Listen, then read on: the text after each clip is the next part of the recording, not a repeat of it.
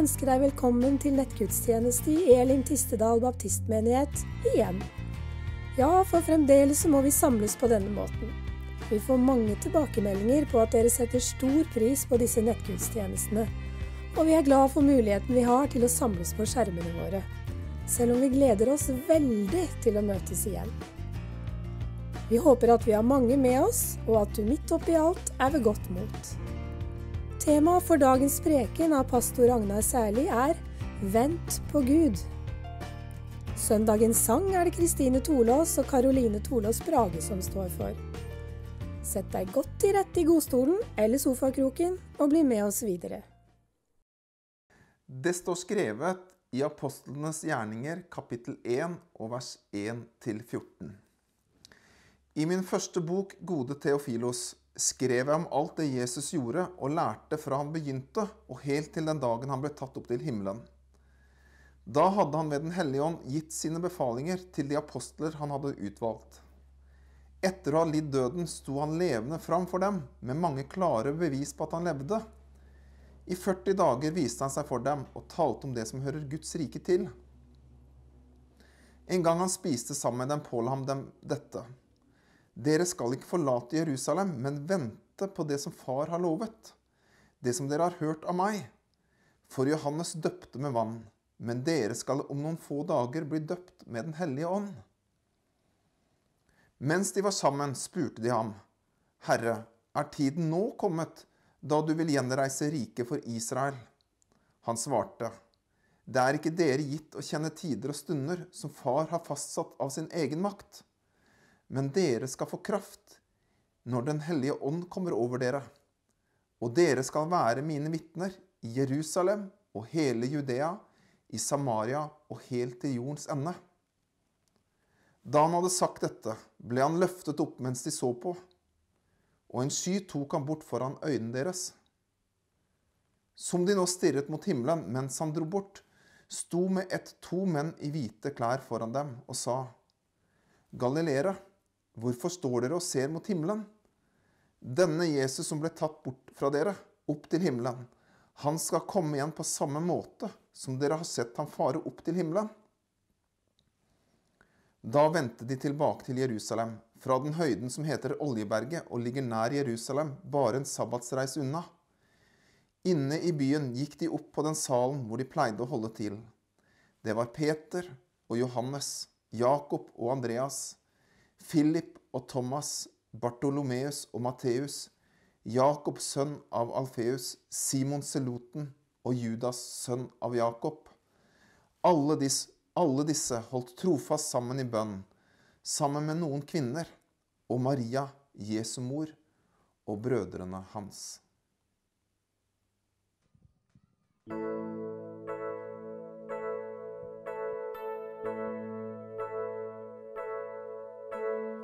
Min rettferdighet, du min hellighet.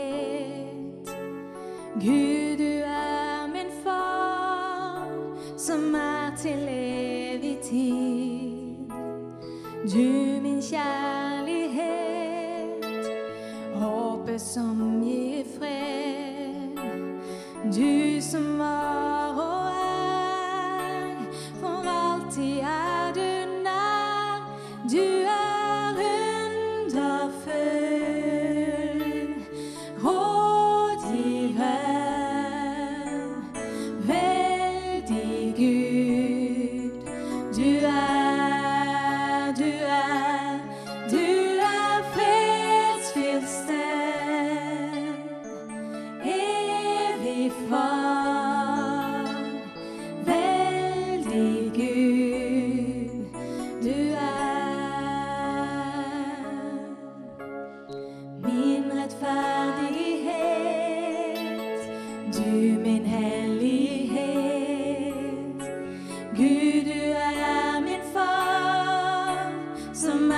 er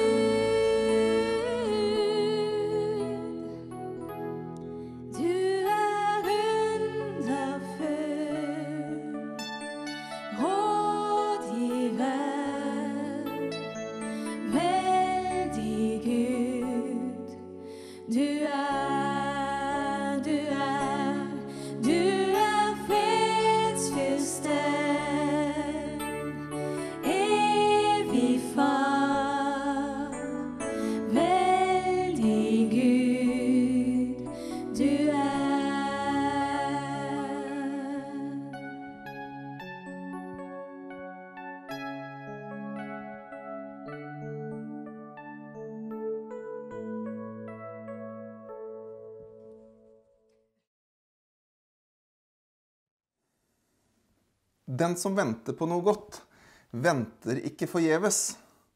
Sånn lyder ordtaket. Men vi forbinder ventetid og det å vente med noe negativt.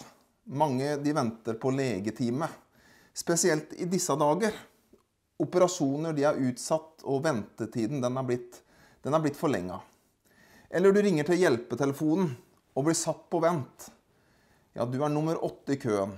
Forventet ventetid er 15 minutter. Den tiden den oppleves som meningsløs og bortkasta. Og så er det veldig mange hjelpemidler som vi har, ikke minst tekniske, som er bygd for å gjøre ventetida kortere. Et klikk, og så skjer det umiddelbart, det som før tok så lang tid. Jeg er eh, personlig veldig glad i å lage mat. Og kjøkkenutstyret mitt det utvides stadig med nye duppeditter som skal gjøre ventetida kortere og arbeidet raskere. Det er som om vi på alle mulige måter forsøker å unngå det å vente på noe. Det oppleves som bortkasta tid. Men om vi er ærlige på det, så er det jo ikke alltid sånn at eh, den tida som vi sparer på å kjøre over fartsgrensa, eller på å varme maten i mikroen, at den tida brukes til noe fornuftig. I Bibelen så er ikke ventetid hovedsakelig forbundet med noe negativt. Snarere tvert imot. Ventetid blir løfta fram som noe godt, noe, noe, nødvendig. Noe som former deg og tanken din. Ja, hvordan du lever. Ja, hele livet vårt blir i Bibelen løfta fram som en ventetid. Og ikke som en ventetid som er unyttig, slik som vi tenker om det. Ja, nei, Det er nesten som om den fremstiller, ventetida som noe nødvendig. Noe som du må oppleve. Noe som vekker deg, og som vekker livet ditt. Historien og erfaringene våre viser oss noe av det samme. Jeg har i løpet av de siste ukene vært innom Israels historie før Kristus i, i ulike taler som jeg har holdt her. Og en viktig epoke i Israels historie er, når israelsfolket blir deponert ut av landet sitt og må leve i Babylon, i eksil, i over 50 år. Og hva er det israelsfolket gjør der i Babylon? Jo, de venter. De venter på å dra hjem. Men denne ventetida, den gjør noe med dem. Det er i Babylon at, at skriftene blir samla. Og der i Babylon, så skjer det en større bevisstgjøring rundt egen identitet som folk.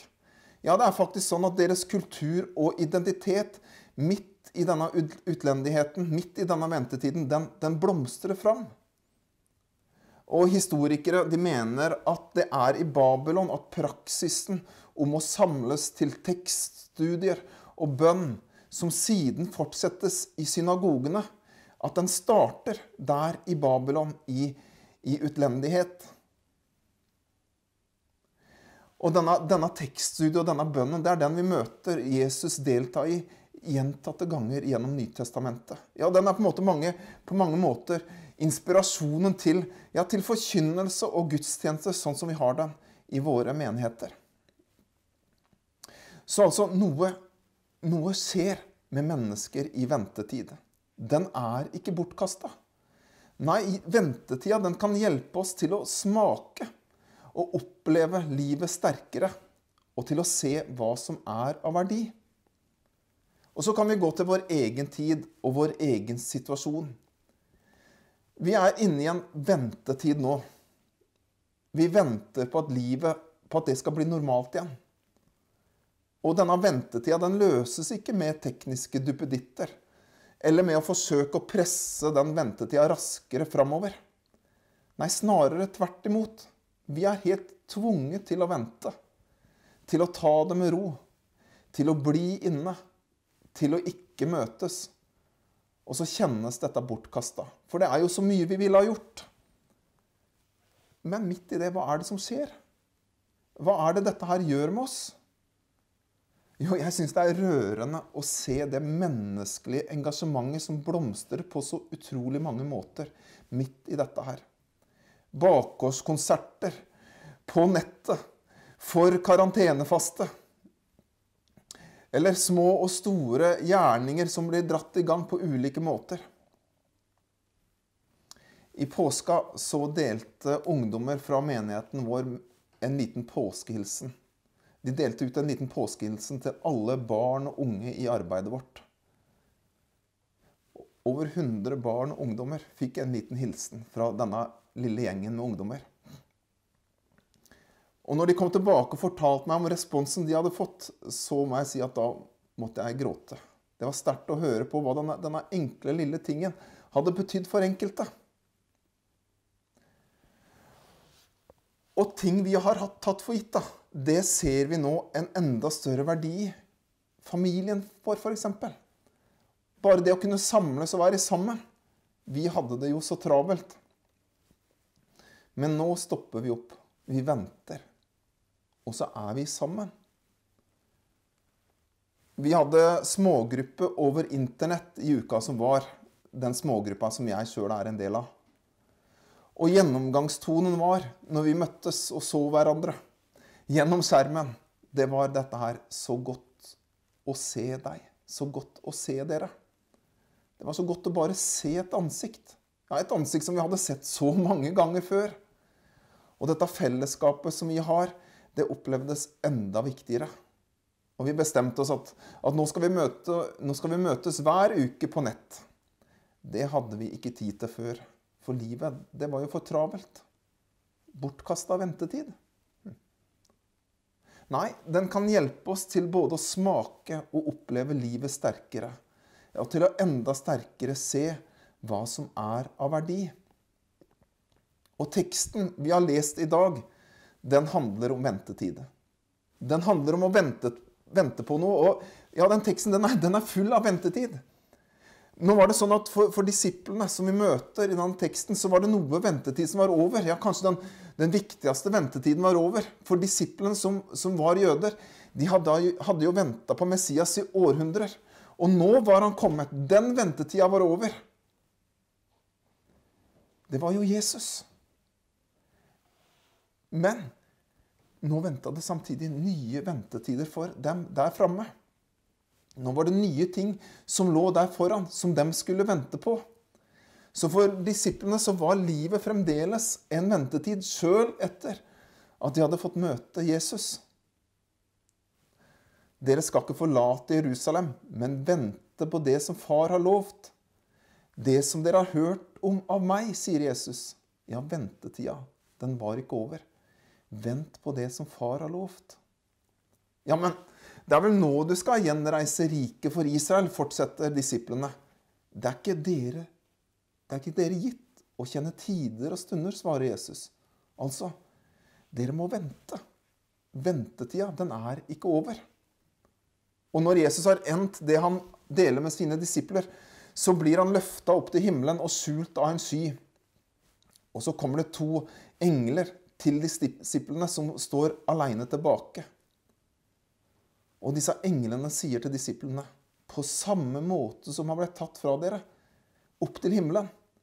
På samme måte så skal han komme tilbake. Altså, Jesus skal komme tilbake. Og vi venter på det. Ventetida, den er ikke over. Så livet som en kristen, livet som en troende, det er en ventetid. Vi venter på at Gud skal komme og gripe inn på ulike måter i livet vårt. Vi venter på at det som han har talt om, en dag skal skje. Og vi venter på at han en dag skal komme tilbake. Men denne ventetida vår, den er ikke meningsløs. Den er ikke bortkasta. Den gjør oss ikke passive. Nei, den bør gjøre oss aktive. Ja, denne ventetida, den er nødvendig. Den hjelper oss til å smake og oppleve livet sterkere. Til å se hva som er av verdi. Klagesangene lyder tittelen på en av Det gamle testamentets bøker. Og klagesangene består av fem sanger, fordelt i fem kapitler. Og i den tredje sangen, altså kapittel tre i, i klagesangene, så gjennomfører forfatteren en rå og brutal skildring av livet. Og selve sangen starter med orda 'Jeg er en mann som har opplevd nød'. Og videre så sier han 'Han, altså Gud, har ført meg og latt meg gå i mørke og ikke i lys'. Og beskrivelsene av livet som deretter kommer, det er kraftig kost. Og denne forfatteren anklager Gud for alt han har opplevd av urettferdighet og vanskeligheter.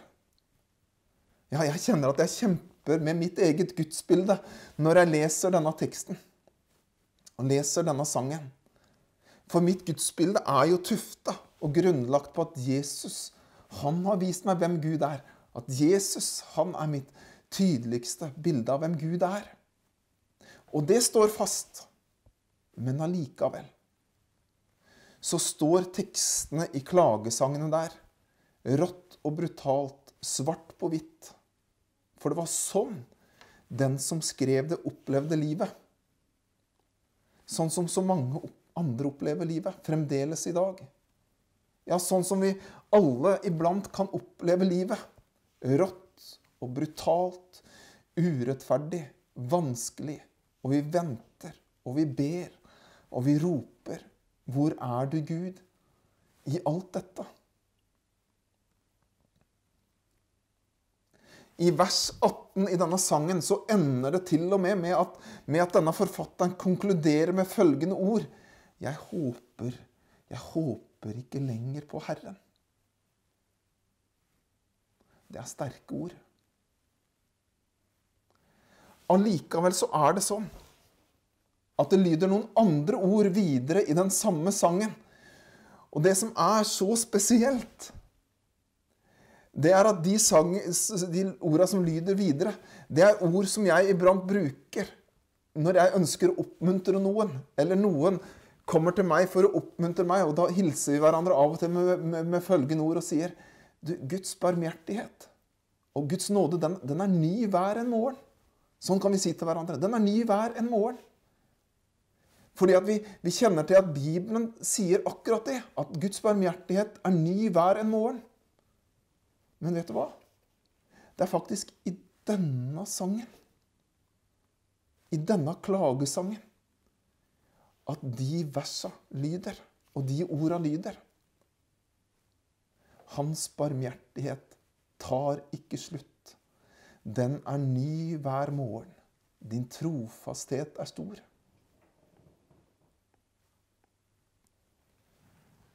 For det er sånn at det er et vers i denne sangen, en setning som får dette til å henge sammen. Både den brutale og rå opplevelsen av livet, og samtidig tiltroen til Guds nåde og trofasthet. Og dette verset som binder det sammen, det er et vers som handler om å vente. I vers 26 i Klagesangene 3 så lyder det Det er godt å være stille og vente på hjelp fra Herren. Det er som om forfatteren har ropt ut all sin nød, øst ut alle sine klager og anklager til Gud. Og nå, Gud, nå bare legger jeg alt hos deg. Nå kan jeg ikke gjøre mer. Det eneste jeg kan gjøre, det er å være stille og vente på deg. For din barmhjertighet, den er ny hver en morgen. Og din trofasthet, den er stor. Ventetid i Bibelen er også forbundet med kraft. Dere skal vente på det som far har lovt, sier Jesus til disiplene. Og når de spør om det er nå tida er for gjenreisingen av riket for Israel, så avfeier Jesus dette spørsmålet og retter fokuset tilbake på det han har starta med, nemlig løftet om det som er lovt. Og så fortsetter han. Dere skal få kraft når Den hellige ånd kommer over dere. Og dere skal være mine vitner. Det var det som var lovt. Den hellige ånd, Gud hos oss. Han som skulle være hos dem, i dem og over dem. Han som midt i alt skulle gi dem kraft. Kraft til livet og kraft til å være vitner. I ønsket om å få fikse ting og få ting på plass her og nå så raskt som mulig, så blir det fort slik at vi, at vi legger vår lit til egen kraft, til egne evner, til våre egne veier og våre egne løsninger. Men i ventetiden Gud fører oss inn i, så leder det oss fram til å mer og mer legge alt over på ham. Vi blir avhengige av å vente på ham. At han skal gripe inn. At han skal komme med sin kraft. Avslutningen på Jesaja, bokens kapittel 40. Det lyder slik. Han gir den trette kraft, og den som ikke har krefter, gir han stor styrke. Gutter blir trette og slitne. Unge menn snubler og faller. Men de som venter på Herren, får ny kraft. De løfter vingene som ørnen. De løper og blir ikke slitne. De går og blir ikke trette. De som venter på Herren, får ny kraft. Kanskje du er midt i en ventetid nå. Altså, du venter på noe. Kanskje du venter på at hverdagen skal komme tilbake. Eller du venter på en operasjon. Eller et svar fra legen. Eller kanskje du går rundt og venter på den rette. Eller du venter på en løsning. Eller du venter på hjelp. Eller du, du veit egentlig ikke helt hva du venter på engang. Bare at du venter på at noe skal skje. Noe nytt og friskt. Kanskje du venter i spenning og glede. Eller kanskje du venter i frykt og i sorg. Jeg har lyst til at du skal ta med deg at, at den ventetida, den er ikke meningsløs. Jeg tror at den ventetida hjelper deg til å smake og oppleve livet sterkere. Jeg tror at den ventetida hjelper deg til å se enda sterkere hva som er verdi og viktig i livet ditt. Men det betyr ikke at ventetiden er lett eller god. Nei, den kan være kjempevanskelig, vond og urettferdig. Kanskje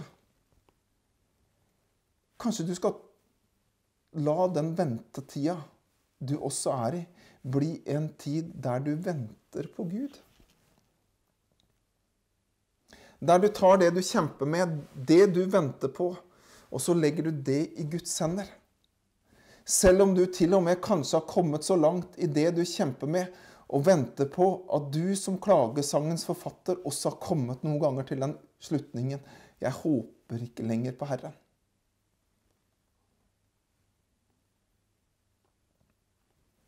Så kan jeg ikke forutsi hva Gud gjør med det du venter på, når du legger det i hans sine hender. I mitt eget liv så kan jeg sammenligne meg med ulike historier i Bibelen og si at noen ganger så har mirakelet skjedd. Det å vente på Herren løste en uløselig knute. Den hjalp meg ut av sjukesenga. I mitt tilfelle så, så hjalp den meg ut til å kunne gå og til å kunne løpe igjen. Men andre ganger så har også ventetida for meg endt i orda som Paulus en gang fikk av Gud. Min nåde, den er nok for deg. Og så var det det som jeg måtte holde fast i, og som ga meg kraft i sorgen og i kampen og i ventetiden. For jeg vet dette. At hans barmhjertighet og nåde, den er ny hver morgen. Hans trofasthet, den er stor. Og de som venter på Herren, får ny kraft. De løfter sine vinger som ørnen. De løper og blir ikke slitne. De går og blir ikke trette. Må Gud velsigne deg i din ventetid. Om du ønsker det, så bli med meg i denne bønnen. Gud, du ser alt, og du kjenner oss. Jeg ber for dem som opplever livet som en ventetid nå. Særlig dem som på ulike måter venter i frykt. Må du være hos dem med ditt nærvær, din trygghet og din varme. Takk at vi får komme ærlige til deg, utildekka, med alt hva vi bærer på av følelser, tvil, klager og anklager. Takk at du ser og du forstår. Du som en gang ble et menneske og smakte på alle menneskelige følelser og kamper. Takk at du er nær, selv når du kjennes langt borte. Kom, Herre, med din Hellige Ånd. Kom med din kraft. Styrk den svake. Trøst den sorgfulle. Gi nytt livsmot og glede til den nedtrykte. Kom, Herre, vi venter på deg. Ta imot, ta imot Herrens velsignelse. Må Herren velsigne deg og bevare deg. Og må Herren la sitt ansikt lyse over deg og være deg nådig. Og må Herren løfte sitt åsyn på deg og gi deg fred. Amen.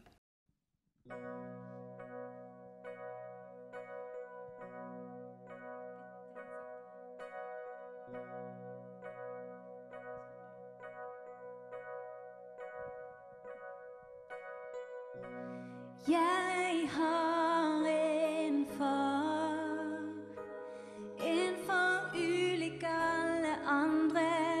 En som kjente meg før dagen jeg ble til.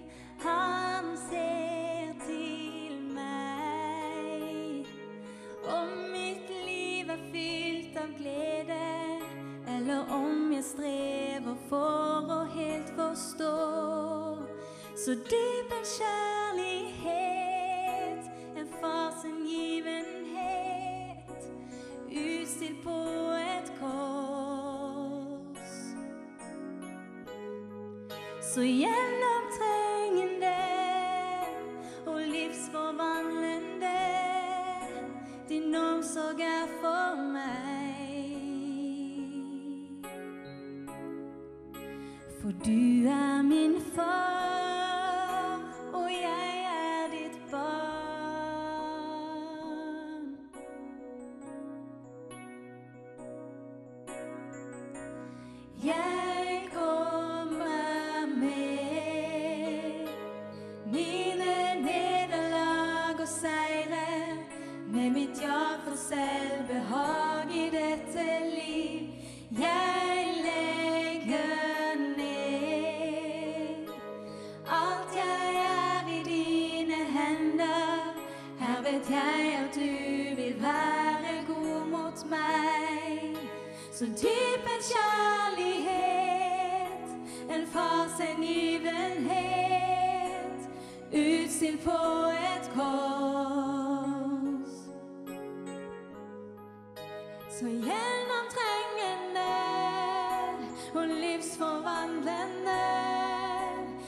omsorg er for meg.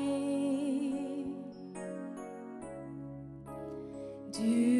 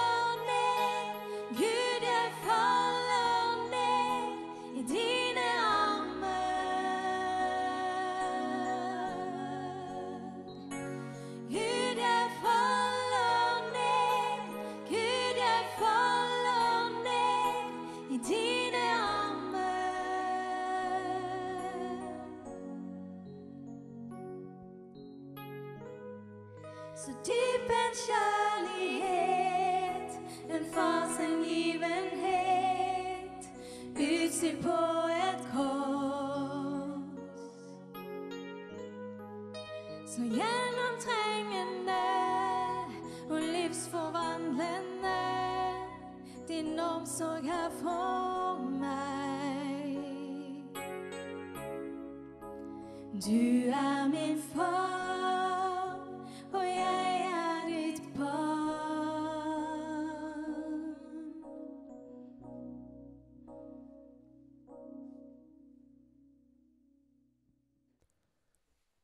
viktig at vi oppmuntrer hverandre disse dagene.